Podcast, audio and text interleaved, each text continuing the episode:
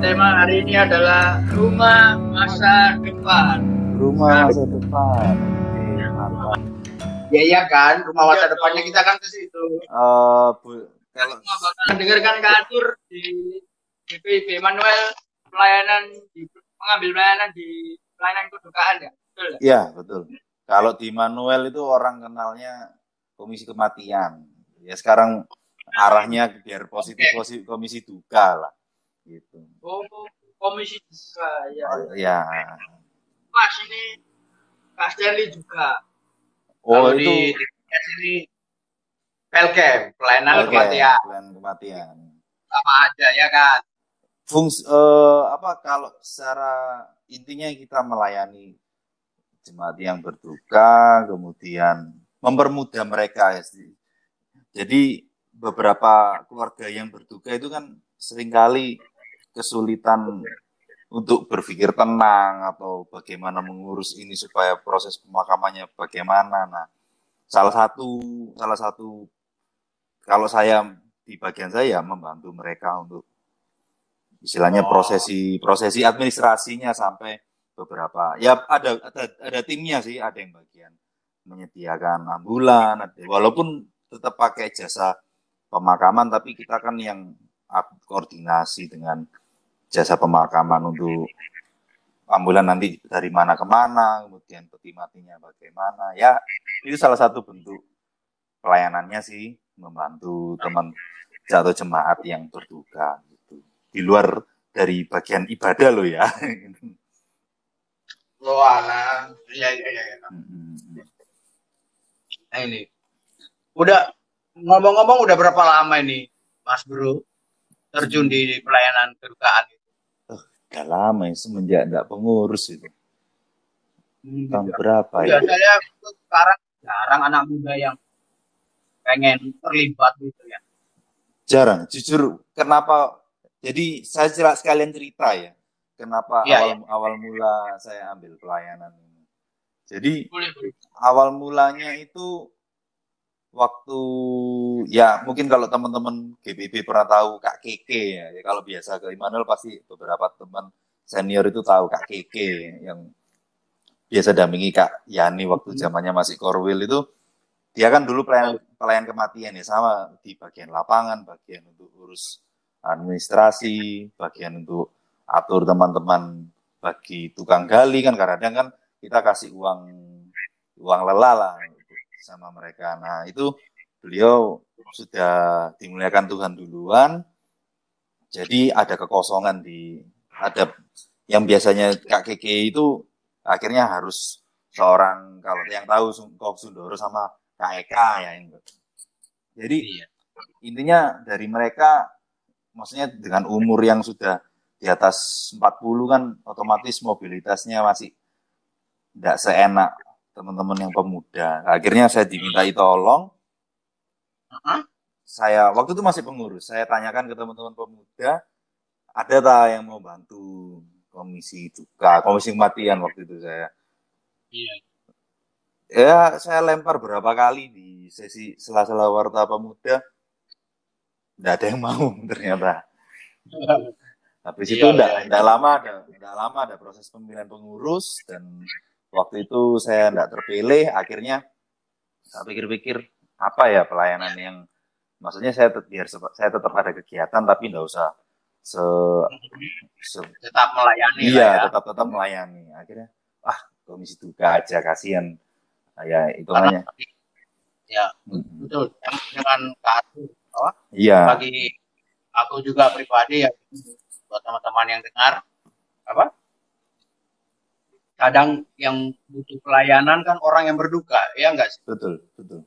Istilahnya orang berduka itu ya kita enggak tahu situasinya dia bagaimana, apakah terpukul, apakah dia masih bisa siap untuk mengu, misalnya ngurusi semua segala macam proses sampai keluarga keluarga itu dimakamkan selesai dimakamkan itu kan kita nggak tahu situasinya mereka itu bagaimana. Tapi dari situ komisi duka itu bukan hanya oh ini ada orang berduka kirim peti gini kelar sudah. Enggak. Oh iya. Enggak, enggak, enggak bisa enggak, enggak sesimpel tidak sesembil apa kayak jasa jasa pelayanan pun walaupun dibayar mahal tetap ada. Ya tetap ada kurangnya tetap ada sesuatu yang harus ada. pendekatan orang yang kenal atau minimal orang satu gereja kan orang sudah tahu oh ini ada orang komisi duka pasti dia bisa bicara dari ibaratnya lebih enak daripada harus bicara ke jasa pelayanannya walaupun tetap ujung-ujungnya bagian-bagian penting seperti menyediakan peti, ambulan, bahkan tenaga untuk bawa peti ke liang lahat itu juga dari butuh satu orang dari gereja yang untuk menghubungkan supaya enak prosesi pelayanan itu karena kan orang sangat sangat menghormati keluarga yang meninggal mereka ya. itu dengan berbagai request permintaan ya walaupun walaupun ya. ada sudah nanti saya tambah berapa biayanya ya. Bukan bukan nambah kejasanya tapi nambah biaya-biaya yang timbul. Misalnya ada yang minta dimakamkan. Kalau cara di Sulawesi kan makam masuk masukin pasir tutup bis-bisan terus dicor makam dibangun. Itu itu cara Sulawesi itu ada pernah saya ngalami oh, request seperti itu. Tapi kok ya, ya. kenapa? Mungkin tiap daerah beda ya? Kalau tiap daerah ada caranya masing-masing. Biasanya kalau babat jerawat itu simple karena dia tidak mau makamnya ditutupi dengan Ngomong -ngomong. semen ya macam-macam sih kondisi tergantung lokasi makamnya juga gitu. Nah itu yang nah, ini mumpung lagi bahas lokasi makam nih. Siap, kan siap, siap. Di Surabaya, di Surabaya itu setahu Kak Arthur itu ada berapa ya lokasi-lokasi untuk pemakaman Kristiani terutama? Untuk pemakaman Kristen di Surabaya yang disediakan itu kebetulan disediakan pemerintah. Ada satu ya. babat jerawat sama keputi. Itu yang makam ada makam Kristen ada makam Muslim. Tapi kalau yang oh, iya. khusus iya. Kristen yang sudah lama kita tahu kembang kuning, yellow flower lah. Itu itu khusus Kristen. Ya kondisinya sudah kalau saya cerita sekalian kondisinya ya. Kalau kondisinya kembang kuning itu istilahnya kita diselipkan di antara makam-makam yang istilahnya ambil tempat di, kalau orang Jawa iya. bilang itu disesel no. Hmm. Sudah penuh gitu. Sudah ya. penuh ya. Banyak yang minta duit lagi.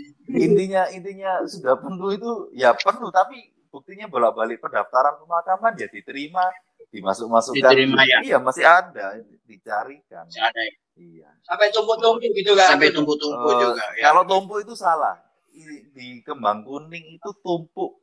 Misalnya kalau tidak kenal tidak mungkin ditumpuk. Tapi kalau misalnya sudah satu keluarga atau apa, jadi makam makam yang lama itu dibongkar terus ditaruh di atasnya.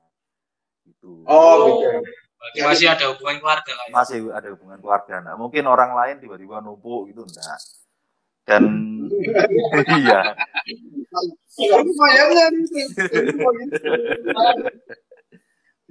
Masa ini ada orang baru datang, ya. nggak tahu nggak tahu gue keluarga terus rohnya nanya, "Woi, lu siapa dong?" baru nih. ada yang baru nih, lu mati kenapa nih? Waduh, gua kemarin habis dipakai orang nih. Loh, kalau kalau teman-teman sering ke maksudnya pernah lewat lah, bukan sering ke Kembang Kuning maksudnya. Kalau pernah lewat, itu makam kan bisa lewat malam lah ya. Kalau malam malam. Ya kalau malam kan ah, bisa lewat hanya lewat atau hanya mampir kan bahaya juga. jangan jangan. jangan. Nanti saya beritahu yang viral kapan hari Jangan jangan jangan. itu kita melenceng dari bahasan jangan jangan jangan. Intinya coba perhatikan kak eh, makam di Mangkuning kan pasti tinggi, tinggi tinggi gitu ya, seperut lah selutut kan beberapa makam yang di pinggir jalan itu selutut. Saya baru tahu ternyata kalau mau numpuk tinggal bongkar depannya, peti dimasukkan, pasir dimasukkan sudah ditutup, jadi tidak perlu bongkar keseluruhan makam, kecuali makamnya tidak tinggi, tidak disiapin. Gitu. Dan itu, jadi yang penting ada salah satu keluarga yang pernah dimakamkan. Iya, dan atas nama atas nama ahli warisnya juga istilahnya tapi gimana gimana kalau itu ya di sana kan udah ada peraturan yang baru kalau yang bukan sana berKTP Surabaya ya uh, jadi gini aturan sebetulnya sebetulnya itu mereka aturan KTP Surabaya itu supaya ndak membludak istilahnya kan memang kan Oh iya iya. dari kondisi tanah Iya, itu kan juga ya. iya kalau ini pan dari sudut pandang saya saya belum tahu kalau dari sudut pandang pemerintah bagaimana. Tadi kan Kak Arthur kan Mbak? Sempat membahas apa namanya ada yang request dari permintaan keluarga. anggota keluarga. Iya iya. Ya yang itu kan. Kan kalau nggak salah kan lalu ditanyain ini kan. Banyak-banyak macam peti gitu kan. Karena ada yang warna putih ada yang Coklat. coklat oke oke ada yang gambar Tuhan Yesusnya sama murid-murid ada yang ada, ada salibnya oke oke nah mana itu Jadi gini, eh, untuk misalnya request ya masalah peti, kita bicara tentang peti dulu. Intinya kalau dari komisi kematian kan kalau sistemnya di manual itu iuran, iuran per per keluarga. Saya lupa per keluarga atau per orang, saya saya agak lupa. Intinya kalau misalnya mereka lapor ke komisi kematian, mereka itu dapat fasilitas ya ambulan, ambulan peti, kemudian sampai proses pemakaman diuruskan. Jadi intinya agak terima bersih, tapi kecuali untuk konsumsi ibadah penghiburan nggak termasuk. Nah itu ada beberapa kalau misalnya mereka dari keluarga yang misalnya penghasilannya tinggi, kemudian mereka ikut ikut di keanggotaan komisi kematian iurannya lancar. Tapi kadang-kadang kan kalau dikasih peti standar nggak mau mereka. Nah itu nah itu itu ada gimana itu tetap tetap secara perhitungan peti peti yang standar itu kemudian dia nambahkan berapa ke jasa jasa pelayanan yang buat peti gitu Oh, berarti ada tambahan ada biaya. tambahan ya, ya? biaya tapi ra- tapi jujur namanya juga peti ya. Saya nggak tahu bahan bahan bahannya sama juga ya dari kayu atau multiplex dan lain sebagainya. Tapi harganya ketika keluar dari harga standar untuk pelayanan kematian itu cukup cu- nilainya cukup fantastis. Sekitar kalau misalnya pakai peti itu kalau nggak salah sekitar 2 juta 3 jutaan saya lupa. Nah, untuk yang peti yang standar. Itu kalau misalnya di cover dengan keanggotaan komisi kematian di gereja ya. Tapi kalau misalnya sudah keluar mereka request yang khusus itu bisa sampai 12 juta bisa bahkan ada yang pernah request 5, 40 jutaan Wih, peti ber peti peti glowing, glowing, glowing petinya. Berarti kan tidak dibawa mati sampai ke akhirat Duh, jangan salah, jangan salah. Eh, kalau misalnya Bung sering ke kayak rumah persembahyaman, kalau di Surabaya di jasa ya. Ah, ah, ah. Ya, ini jujur, saya sempat sempat pengen sih punya bisnis yang namanya jasa kematian termasuk buat peti dan lain sebagainya. Oh, itu bisnis bisnis paling kuat. Iya, itu. karena yang pasti orang semua bakal mati. Aku itu kalau kita bicara segi bisnis itu bisnis pasti ini sebetulnya. Cuman tinggal apa ya channel channel channel ya ini sedikit melenceng sedikit. Tinggal Iya, tinggal, iya, tinggal channel kita bagaimana orang percaya ke jasa pelayanannya gitu aja.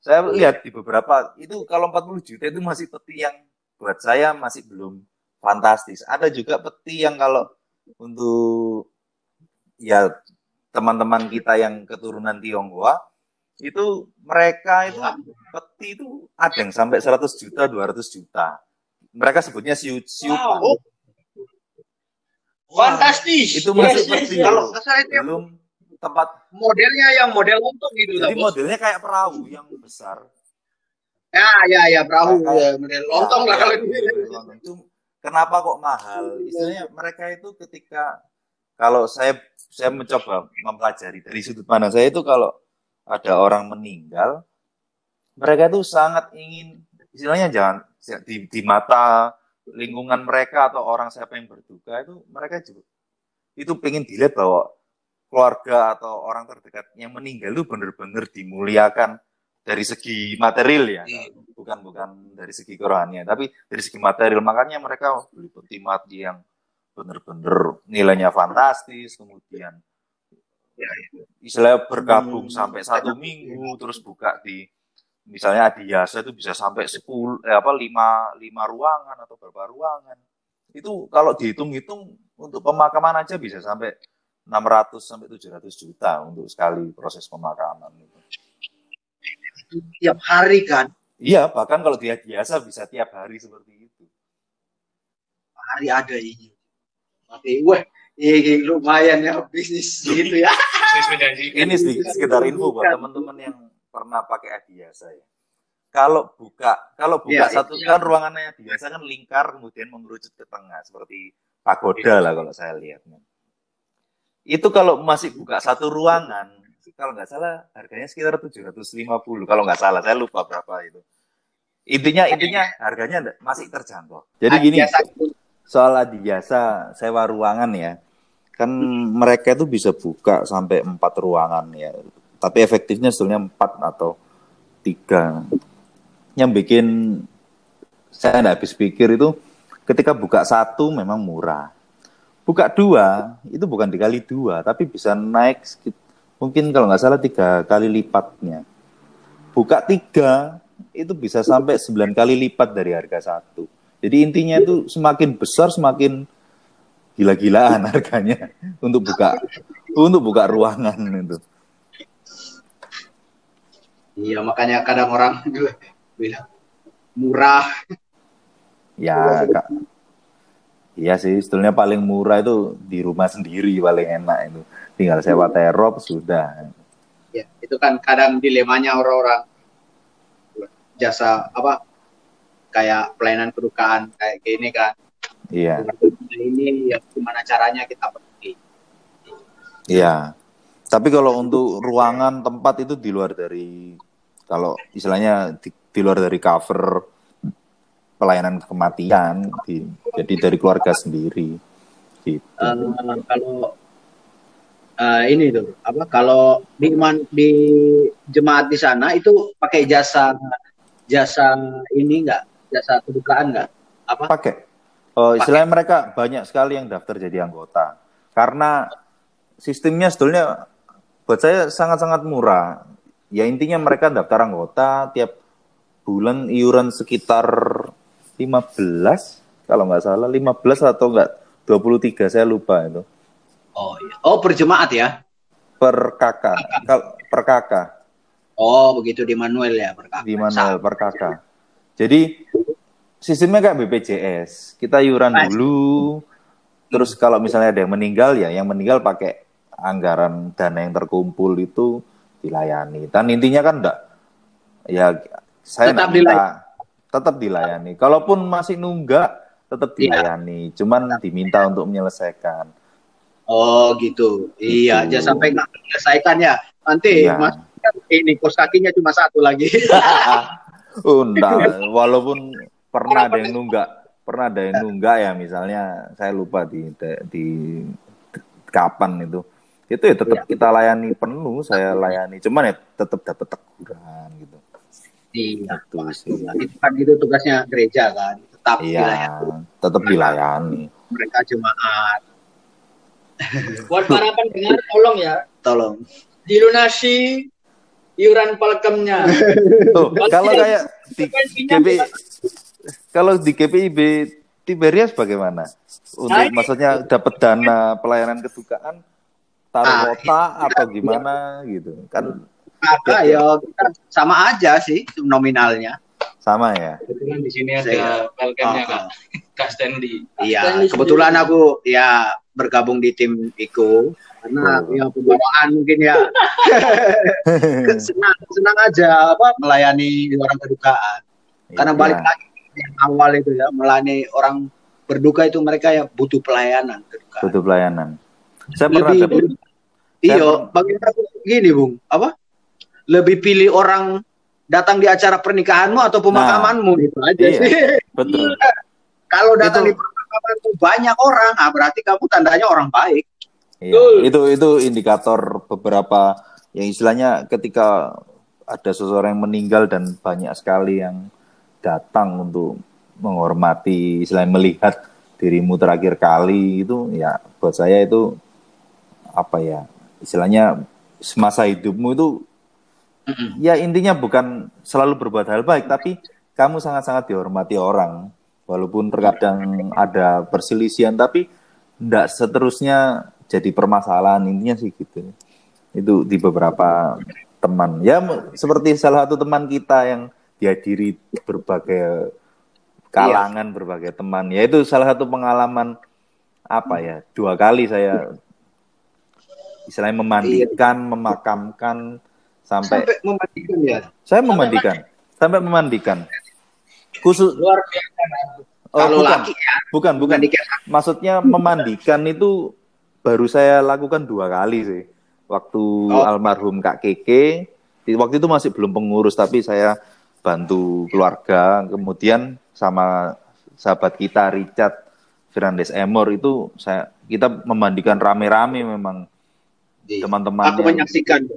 Iya. Karena kita bantu juga kan Iya. belakang. Jadi ya itu kenangan sih waktu pengurus kematian gimana rasanya memakamkan sahabat sendiri itu ya Iya. sahabat sendiri atau ya sering kali beberapa pelayanan itu memakamkan apa ya orang-orang terdekat lah Dekat iya. iya walaupun secara keluarga tidak ada hubungan tapi di gereja saya berhubungan berhubungan baik atau bahkan orang tuanya teman-teman pemuda itu yang ya kadang-kadang ya ikut ikut mewek sendiri. Tahu range harganya ini enggak, Bu? apa bung? Apa bung? Ya, range harga untuk per tahunnya. Oh anu di Di- lokasi mungkin pemakaman bawa jerawat berapa di ada ada. di saya masih ingat? Jadi di Surabaya itu ada dua lokasi. Jadi sistemnya berbeda. Di Kembang Kuning itu sistem pembayarannya paling mudah, tapi untuk kayak ngurus bangun apa ya? Kok kijing ya. Pokok bangun bangunan di maka di atas makamnya itu sedikit ya, lebih mahal daripada daripada di. Jerawat. Iya. Jadi di Kembang Kuning itu bayarnya sekali bayar saja, bayar untuk jasa gali sama retribusi ke Pemkot. Kalau nggak salah Oh, 200. Iya, 200 kalau nggak salah. Galinya 100, retribusinya 100. Mungkin kalau biasanya paketnya itu tambah dibuatkan salibnya itu 75, ada yang jualnya 125 enggak baku kalau salib. Salib di luar perda. Kemudian sama sewa terop itu biasanya saya satu, satu terop 4 kali 4 mungkin itu 200 ada yang 150 ada yang 200 itu kalau di khusus kembang kuning tapi kembang kuning sekali daftar sudah seterusnya yang penting yang penting enggak sepenting ada bangunannya enggak sampai ketumpuan sampah atau ketumpuan tanaman enggak kerawat itu ya Pak Oh, gitu. kalau kembang kuning gitu tapi ketika teman-teman udah ini jasa gali kubur nggak itu? sudah, Tukang gali. sudah. Galinya itu 100. Tapi kalau dari gereja, dari Immanuel itu walaupun kita bayar kan saya kita bayar ke UPT di makam kan, pengelola makam. Tapi kita di tukang galinya pun tetap dari gereja ngasih untuk uang lelah 100. Jadi dari gereja ngeluarin uang lelah 100. Kemudian yang yang PR-nya tukang gali ya. ya istilahnya uang lelah di luar di luar Iya. perda perda tentang pemakaman gitu istilahnya buat buat mereka lah jadi kalau misalnya kelihatan wajah saya atau wajah-wajah orang anu is- mereka tahu oh nanti Iya. bisa dikasih gitu. Jadi, istilahnya mereka kerjanya enak gitu. Enggak enggak bersungut-sungut gitu. Nah ini, kalau dia mungkin ada mau tanya kita atur ini. ya. Terus Jadi buat kenapa? buat para pendengar di mana pun anda berada, tolong bayar lunasi iuran makamnya ya. Kalau nggak mau konsekuensinya tahu sendiri kan. Mas kaki cuma satu. Dengarin ya, antum semua dengarin. Apalagi Kak Senli, konsekuensinya Eh, nanti kaki sebelah dia. Ada yang tanya mana sampai apa kebalik kucingnya mau nggak? atau atau ditanam berdiri atau ya. gini, bahaya. biasanya gini kalau mau di kalau misalnya ya kalau ini niat jelek ya misalnya mau ngerjain sekalian Iya. kirim Iya, kirim peti tapi tidak usah tutupnya gitu gitu. Waktu bisa bangun gitu ya. Panik gak? Panik gak? Panik enggak? Panik enggak? Tuh, kalau misalnya kadang-kadang keluarga keluarga itu pernah ya tapi puji Tuhan selama ini terselesaikan dengan baik lah tapi saya sempat punya pikiran jelek ya seandainya keluarga ini sudah sudah diuruskan sudah diaturkan, saya sudah sampaikan dan mereka setuju. Tiba-tiba ada warga lain yang mungkin secara finansial kuat atau gimana dia cerewet gini gini gini, tidak sejalan lah sama keluarga, misalnya istri atau atau suami. Intinya yang keluarga inti itu, saya sampai bilang sempet sempet punya pikiran gini, ini males-males lama-lama tak berangkatin pemakaman tapi tak suruh makamin sendiri, tak suruh turunkan makam sendiri. Ya itu termasuk di suka duka ini ya. Ya, pelayan- tapi tapi pelayan- tapi, itu, pelayan- tapi itu tidak pernah tidak pernah terpraktekkan sama saya. Hanya hanya terlintas pikiran kalau kadang-kadang ya di dalam hati, tidak pernah terungkap hanya sekedar gitu. dark joke yang benar-benar dark. Tak tak, tak berangkatin ke makam, peti tak taruh di atas liang lahat, tapi tak suruh nurunin sendiri. Waduh. Waduh, waduh. Ya itu. Oh ya, gimana ini? eh sorry, tak selesaiin sekalian kalau di babat jerawat sama keputi. Oh iya. Ba- gimana? Nah, babat jerawat sama keputi itu bayar di awal itu 170. 170 untuk retribusinya. Tapi untuk kalau di sana sewanya mak, eh, sistem sewa. Jadi kalau di keputi sama kembang eh, sorry babat jerawat itu 170 untuk tiga tahun. Jadi ketika tiga tahun kalau misalnya masih ingat kalau enggak diingatkan orang makam ya nanti bayar lagi 170 kalau enggak ada kenaikan loh ya. Itu kemudian untuk jasa liang lahatnya gali kuburnya itu 100 lain-lainnya sama sih.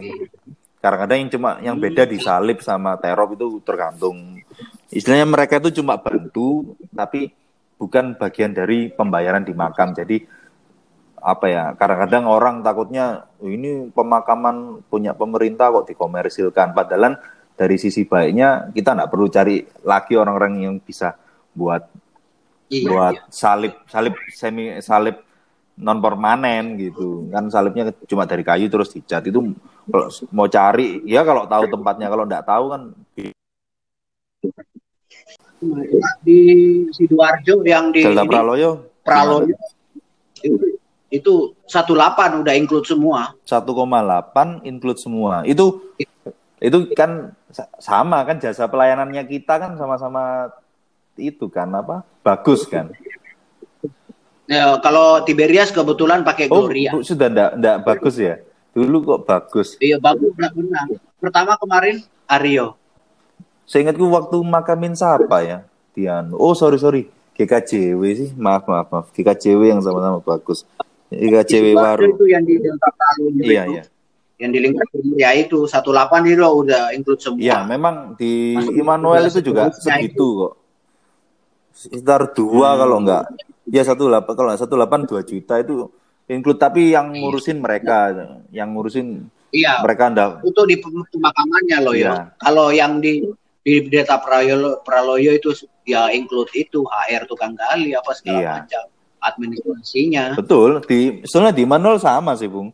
Jadi gini ceritanya, eh, kenapa kok saya sedikit tahu itu memang pertama saya dititipin dari bendara atau kalau misalnya dia enggak pakai enggak termasuk anggota mereka titip uang ke saya terus saya daftarkan.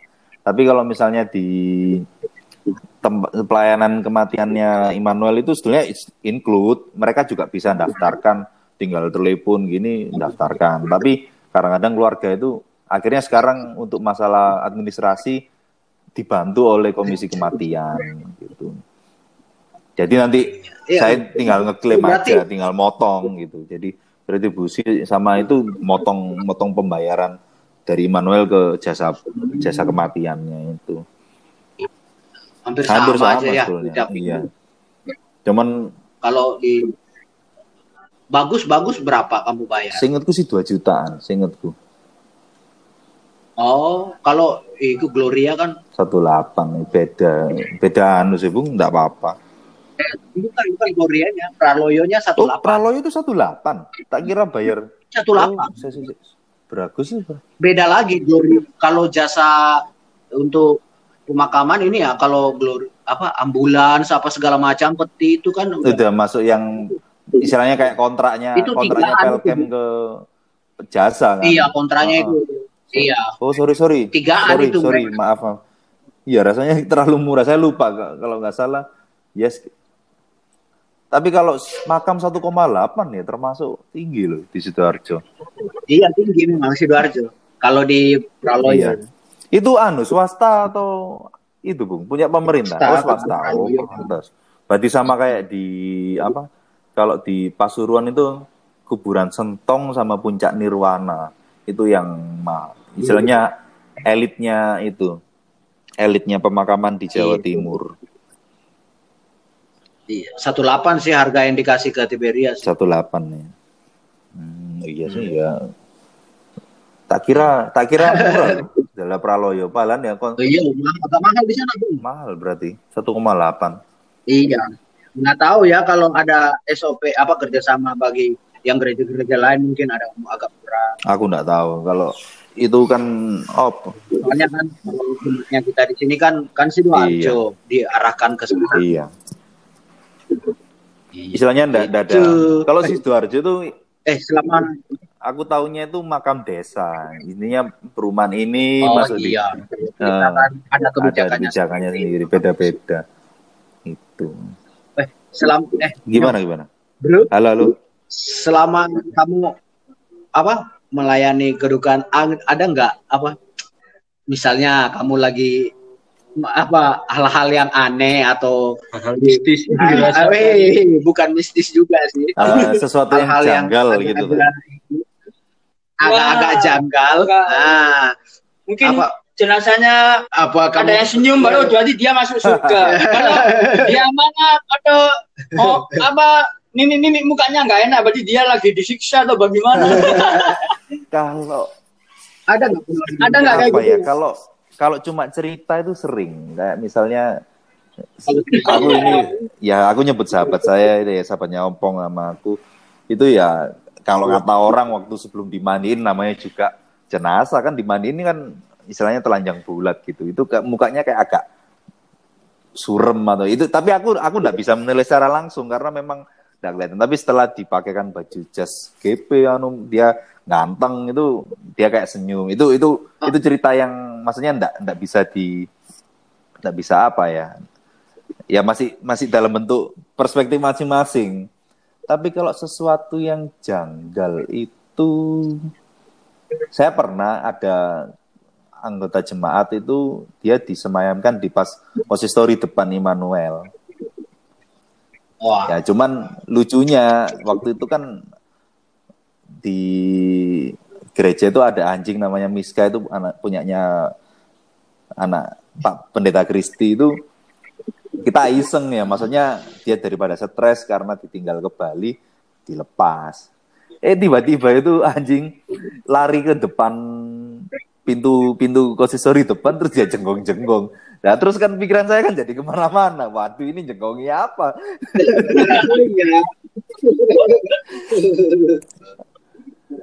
Itu yang itu yang kelihatan kelihatan jelas sekali sih Itu sesuatu yang maksudnya agak janggal tapi kalau untuk proses pemakaman untuk segala sesuatunya itu ya memang kalau cuma cerita misalnya dari teman-teman yang kalau katanya mata terang terus ini lagu ini ya es itu cuma cerita. Aku ndak ndak bisa bilang itu sesuatu yang janggal walaupun aku tahu dia bisa anu gini. Tapi masalahnya saya ndak lihat langsung itu Nggak- iya jarang kayaknya kita alami Ah, tapi gitu, kalau gitu ya kalau orang-orang yang menggonggong itu sesuatu Duh, kok ngapain ini anjing? Menggonggong di depan pintu masuk. Di depan pintu masuk kan buka pintu sudah ada jenazah sudah ada apa peti mati gitu. terus anjingnya jenggong-jenggong gitu. apa yang enggak mikir ke mana-mana akhirnya saya ambil aja masuk masuk masuk masuk masuk gitu apalagi bung Eh, bung Stanley aku juga balik tanya nih biar biar nggak bosen bung Iya, iya. pengalaman Kenapa, kenapa?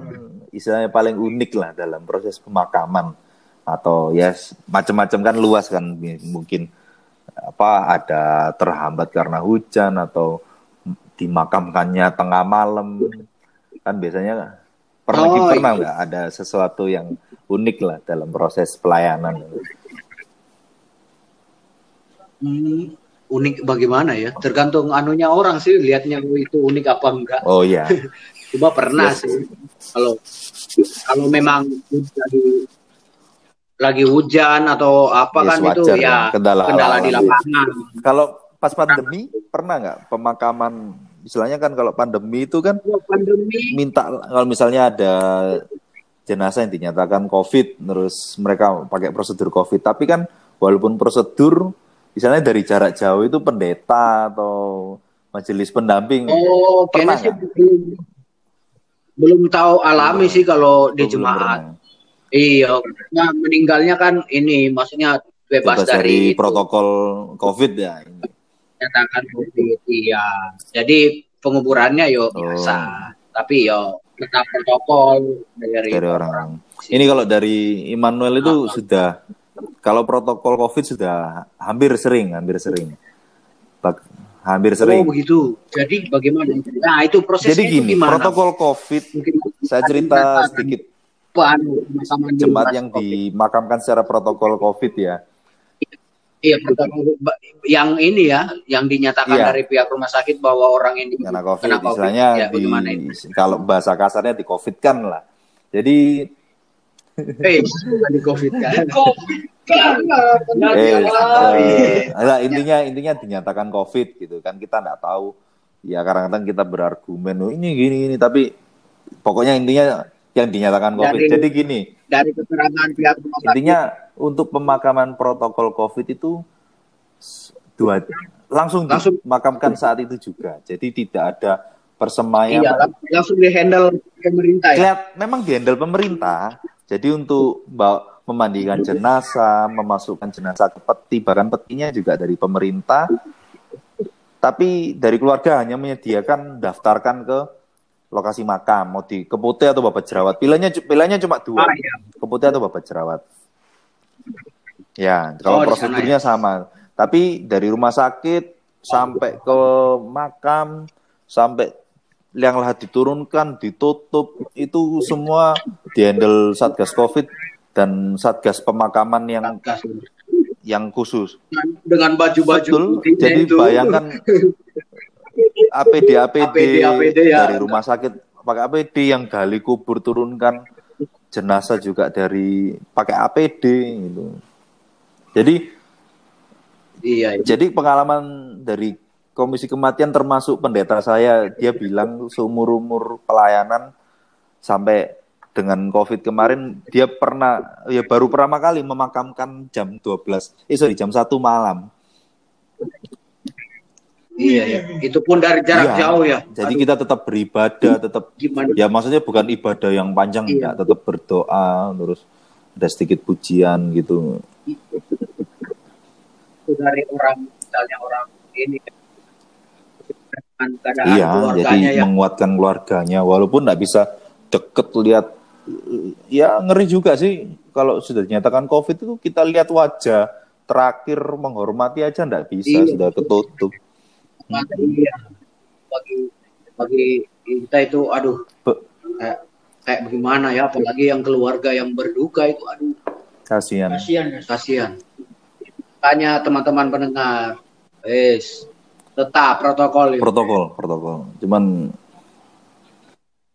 Buat para pendengar ya, selama Anda hidup di dunia, ya tolong, tolong. Kalau Anda berbuat salah, segera minta maaf. maaf maafan, kan? Bertobat, bertobat. Supaya sampai Anda mati nanti dipermudah, kan? siap, siap.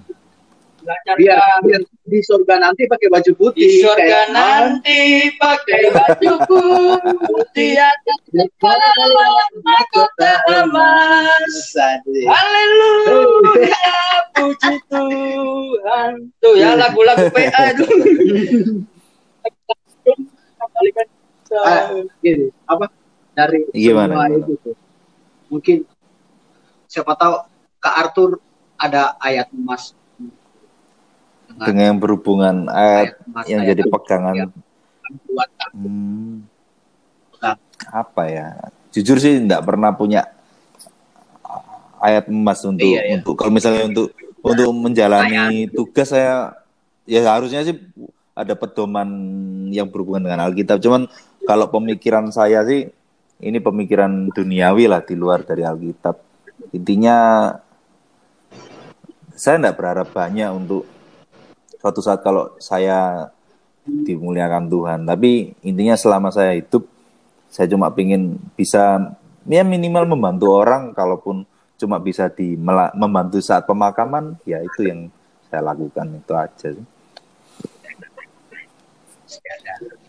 Iya, kayaknya kita perlu lebih mendetail karena kayaknya kita buka pembahasan siap, siap, siap. nanti ya. Jatah, jatahnya berapa jam? Kita kontak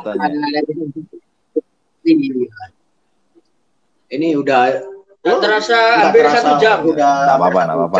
Masih boleh boleh boleh masih ya, banyak ya. hal tentang tentang pemakaman yang belum dibahas. Tahu banyak yang penasaran proses proses, proses pemakaman mungkin ada hal-hal yang ini ada hal yang agak-agak ini eh, tak pernah sih aku alami satu Kita tapi di masih di Makassar part 2 aja iya ada aku sempat udah di dalam peti sih Wih.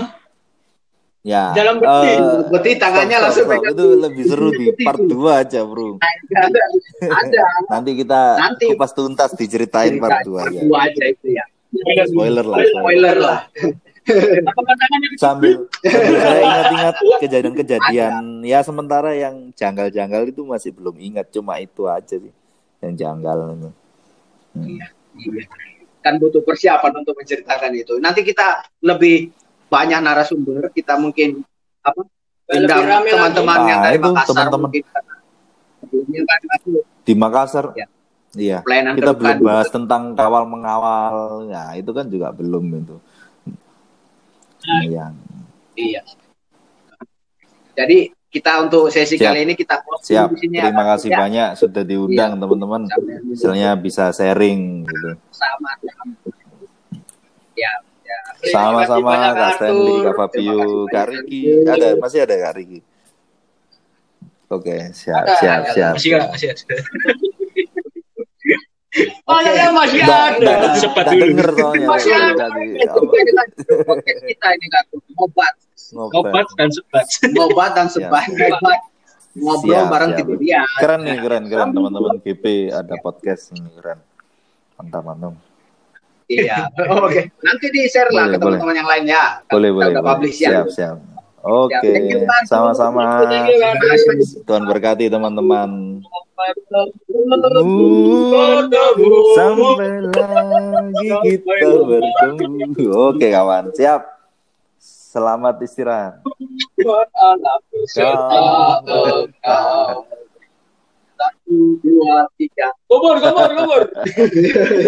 tutup, tutup, tutup, tutup, tutup, tutup, tutup, tutup.